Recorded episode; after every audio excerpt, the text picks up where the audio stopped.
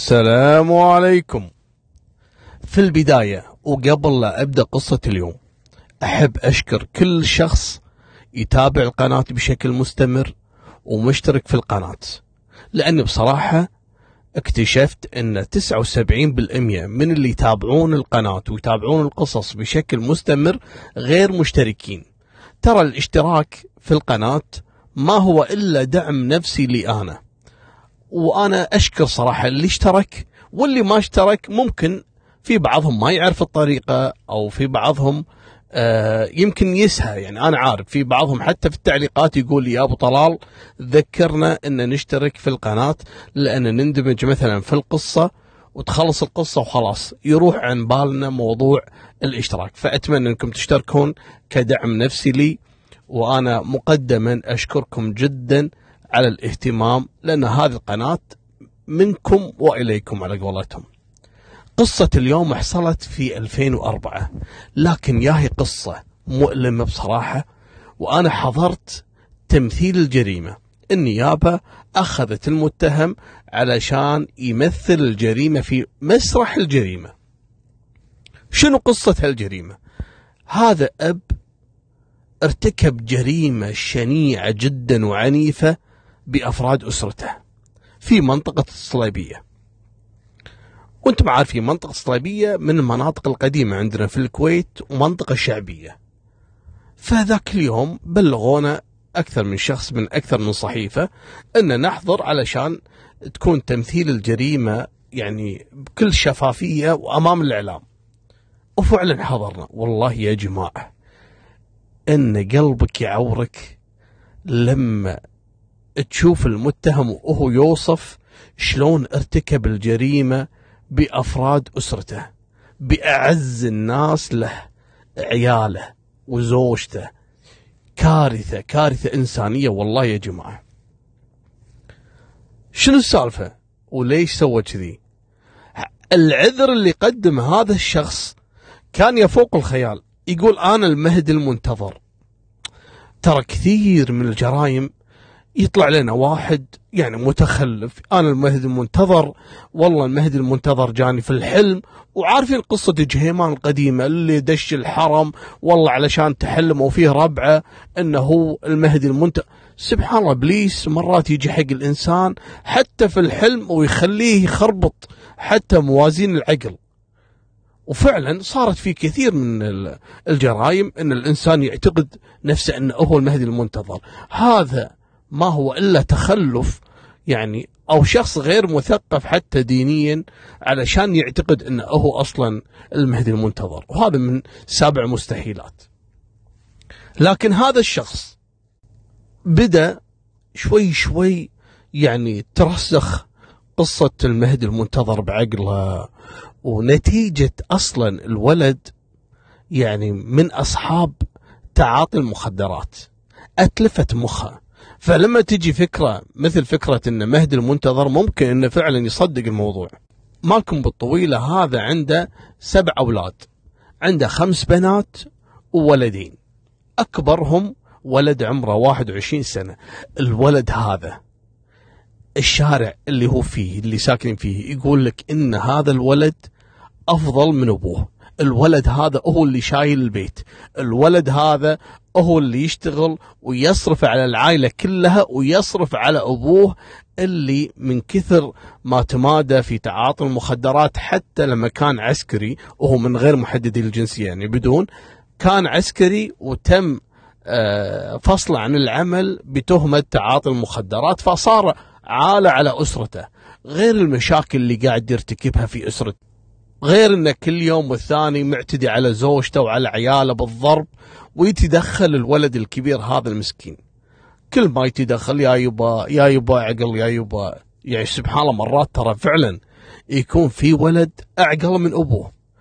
مو كل أب هو الأب الصالح إحنا عارفين.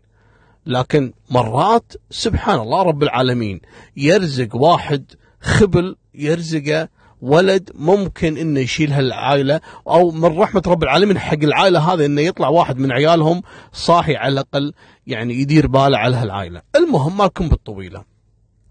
الولد هذا كل ما أبوه فصل على على أمه واعتدى عليها بالضرب يقوم الولد يدافع عن أمه. يا يبا حرام عليك يا يبا كذا يا يبا كذا.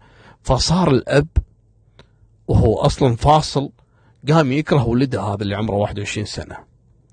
ما يخليه ياخذ راحته ما يخليه يطق زوجته على راحته ما يخليه يطق خواته على راحته. فيتدخل يا يبا ما يصير كذا يا يبا كذا. الأب هذا يوم من الأيام وبعد ما دشت فكرة إن المهدي المنتظر قرر إنه يرتكب الجريمة يبي يصفي كل أفراد الأسرة. وهذا اليوم اللي إحنا رحنا فيه علشان يمثل الجريمة. قال له وكيل نيابة يلا قول لنا أول ما دخلنا من الباب شلون ارتكبت الجريمة؟ قال أنا الصبح طبعا في أول يوم كنت مجهز مسدس نوع كولت هذا تعرفونه؟ وكلاشينكوف يعني سلاحين. وكنت مجهزهم بالذخيرة وحاولت إن أول يوم دخلت البيت أشوف الوضع. ها أقدر أرتكب الجريمة ولا لا؟ بعيالي وزوجتي لكن كانوا عيالي سهرانين. فقررت إني أخلي الجريمة لليوم الثاني. دخلت اليوم الثاني وأشيك على الوضع بالليل ولا في واحد من عيالي اللي هو الكبير هذا اللي كان كله يصد أبوه عن المشاكل كان قاعد سهران مو نايم. فقال أجلت الموضوع لليوم الثالث. قال وكيل نيابة زين قول لنا اليوم الثالث شنو سويت؟ قال شغلت السيارة. وخليتها شغالة عند الباب ودخلت البيت ولقيتهم كلهم نايمين. وكان هذا اليوم يعني قبل لا ينامون أصلا أنا افتعلت مشكلة مع زوجتي وقلت لها أنت طالق وصار يعني مشاكل وبكي وكذا وراحوا كلهم ينامون. فبعد ساعتين رجعت البيت ومثل ما قلت جهزت السيارة ودخلت عليهم. لقيت بناتي الثنتين الكبار أكبر بنات نايمين في الصالة. لكن فكرت أول شيء أقتل منه أقتل ولدي الكبير. لأني خايف إذا اكتشف إني اطلق يعني أطلقت النار على أحد من خواته ولا أمه ممكن إنه يصحى ويخرب علي الموضوع أو إنه يمكن يقتلني كذلك. لأنه سبق وإنه هددني بالقتل لأنه أخذ مني سلاحي مرة وقال لي ترى راح أقتلك إذا سويت كذا وكذا وكذا. المهم فيقول أول ما توجهت إلى غرفة ولدي الكبير وأطلقت عليه النار براسه وهو نايم. سمعوا الصوت بناتي اللي قاعدين في الصالة فرحت لهم ركض للصالة علشان أقتلهم. قتلت واحدة فيهم لكن الثانية أهربت. أهربت وين راحت؟ راحت غرفة أخوها الكبير تبي تصحيه علشان ينقذهم من أبوهم اللي استخف. لكنها ما تدري أن كان أول ضحية هو أخوها الكبير. فيقول لحقتها إلى غرفة ولدي الكبير ولقيتها مصدومة أن أخوها متوفي وأطلقت عليها النار في راسها وفي الوجه. هني قضى على ثلاثة. يقول على طول توجهت إلى غرفة زوجتي واللي كانت يعني مذهولة ومصدومة وتصارخ ما هي عارفة تسمع صوت أطلق النار لكن ما هي عارفة شو اللي حاصل. فدخلت عليها وأطلقت عليها النار أكثر من مرة. وهني قضيت على ثلاثة من أبنائي وعلى زوجتي. تبقى عندي أربع أولاد وهم أصغر أولادي ولد وثلاث بنات. هذول أصلا ما كنت أبي أذيهم كنت أبي أخذهم وأهرب فيهم.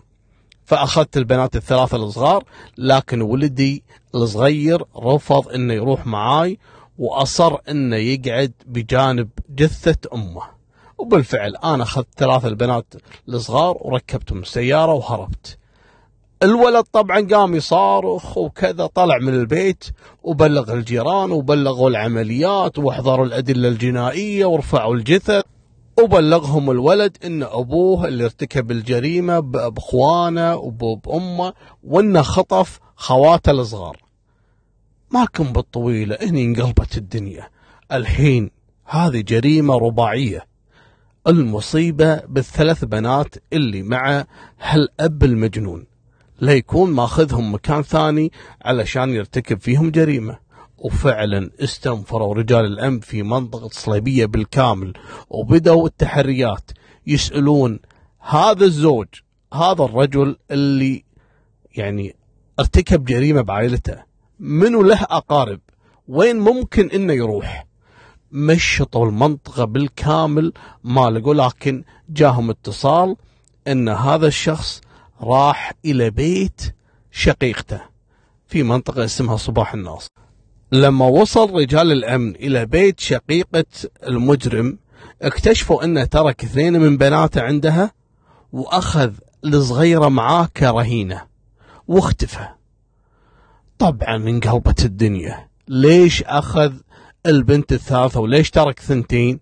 قالوا ممكن إنه يبي يقتلها وممكن إنه فعلا كان ماخذها كرهينة.